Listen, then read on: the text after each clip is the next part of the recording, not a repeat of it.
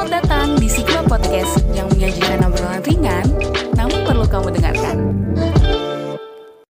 Assalamualaikum warahmatullahi wabarakatuh. Halo Sigmania, marhaban ya Ramadan. Kembali lagi bersama gua Nazaira Pratiwi yang bakal menemani Ramadan kalian tentunya di podcast spesial Ramadan 25 Nabi dan Rasul.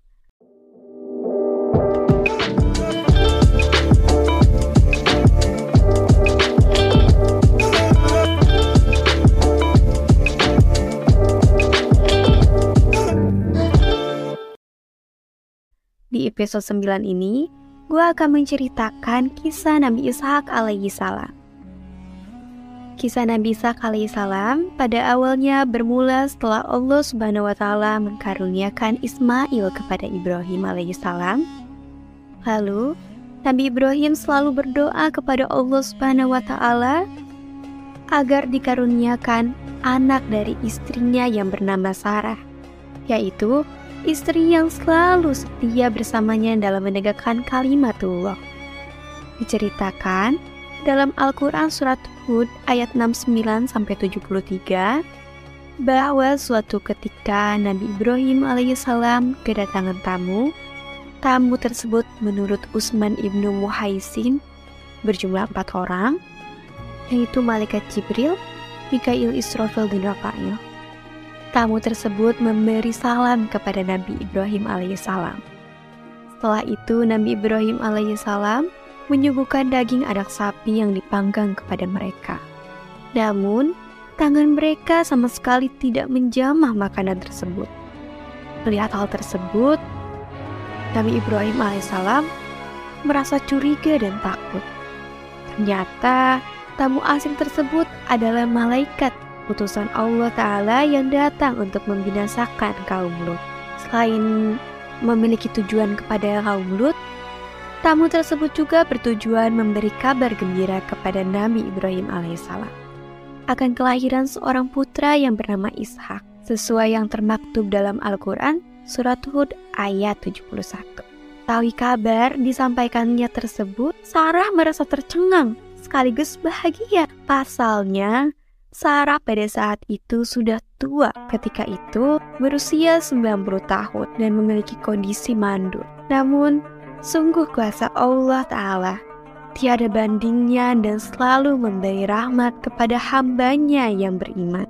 Kelahiran Ishak sendiri merupakan sebuah berkah dan karunia bagi Nabi Ibrahim alaihissalam. Nabi Ibrahim alaihissalam berharap kelak ketika dewasa Ishak dapat diangkat sebagai nabi utusan Allah dan membantu dalam memerangi para penyembah berhala di Palestina. Nabi Ishak alaihissalam dilahirkan di kota Kanan pada tahun 1761 sebelum Masehi. Nabi Ishak alaihissalam adalah putra kedua Nabi Ibrahim alaihissalam dengan Sarah setelah lahirnya Nabi Ismail alaihissalam. Pada saat Nabi Ishak alaihissalam terlahir di dunia usia Nabi Ibrahim sudah terbilang sangat tua, yaitu berumur 100 tahun. Nabi Ishak alaihissalam dilahirkan 14 tahun sebelum Nabi Ismail alaihissalam. Nabi Ishak diutus Allah Subhanahu wa taala untuk menjadi penerus Nabi Ibrahim dalam berdakwah di Palestina. Ishak menyerukan kepada kaumnya untuk menyembah Allah dan melakukan ibadah seperti mendirikan sholat, menunaikan zakat, dan mengerjakan segala kebajikan lainnya yang sesuai dengan perintah Allah Subhanahu wa taala. Terdapat suatu masa di mana ibunda Nabi Ishak yaitu Sarah meninggal terlebih dahulu. Sementara Nabi Ibrahim sebagai ayah dari Nabi Ishak kondisinya semakin menua dan Nabi Ishak sendiri saat itu tak kunjung menikah. Akhirnya seorang pelayan Nabi Ibrahim ditugaskan untuk mencarikan calon istri untuk Nabi Ishak. Pelayan ini kemudian mencarikan hingga ke Irak demi menemukan wanita yang cocok untuk Nabi Ishak. Sang pelayan akhirnya mempertemukan Nabi Ishak dengan seorang wanita bernama Rifka. Akhirnya, mereka berdua pun menikah saat Nabi Ishak menginjak usia 40 tahun. Setelah menikah, Nabi Ishak dan istrinya pun menanti-nanti kelahiran anak mereka. Akan tetapi, belakangan baru diketahui jika Rifkah yang menjadi istri Nabi Ishak ternyata memiliki kondisi mandul yang sehingga mereka pun begitu kesulitan mempunyai anak. Oleh karena itu,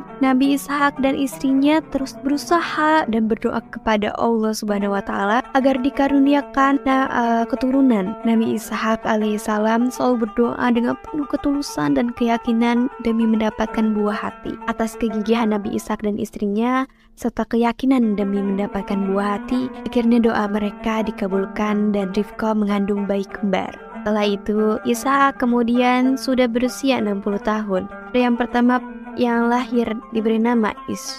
Sedangkan eh, putra kedua Nabi Yakub, kisah kelahiran Nabi Yakub diabadikan dalam Al-Quran yaitu pada surat An-Anbiya ayat 72. Saat tumbuh dewasa, Ish dan Yakub ternyata memiliki perangai dan ketertarikan yang berbeda. Ish senang mengasah kemampuan dalam bidang berburu sehingga ia sangat mirip sekali dengan ayahnya dan Nabi Yakub sangat mirip sekali dengan ibundanya karena sifatnya yang lemah lembut. Setiap nabi dan rasul yang dipilih Allah Subhanahu wa taala dikaruniakan mukjizat tersendiri yang masing-masing berbeda. Mukjizat yang dimiliki oleh Nabi Ishak alaihi salam yaitu mendapatkan keturunan berupa anak kembar meskipun usianya sangat uh, tua, melebihi 100 tahun.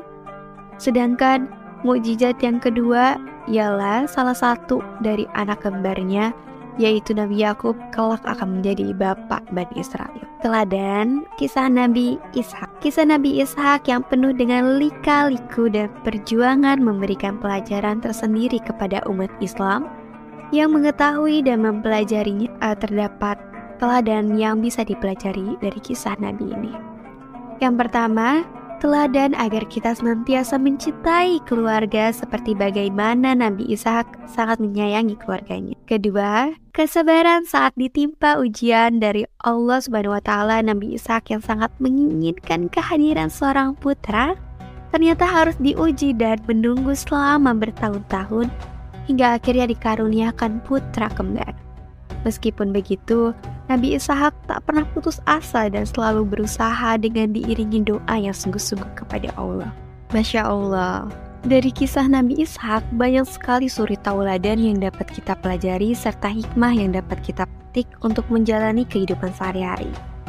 Meneladani kisah dan sifat Nabi Ishak alaihissalam memberikan pelajaran bagi kita untuk selalu taat dan bersabar akan setiap ujian yang diberikan oleh Allah Subhanahu wa taala. Semoga kita bisa sabar Nabi Ishak ya Sigmania. Segitu aja kali ya cerita kisah Nabi Ishak alaihissalam yang akan menemani Ramadan di hari ke-9 ini. Gak kerasa ya Sigmania, 21 hari lagi Lebaran. Tetap semangat pokoknya puasanya. Mari berlomba-lomba dalam kebaikan. Sampai jumpa di episode selanjutnya. Stay tune terus di podcast Sigma tentunya di Spotify kita.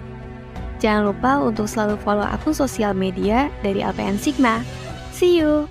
Wassalamualaikum warahmatullahi wabarakatuh.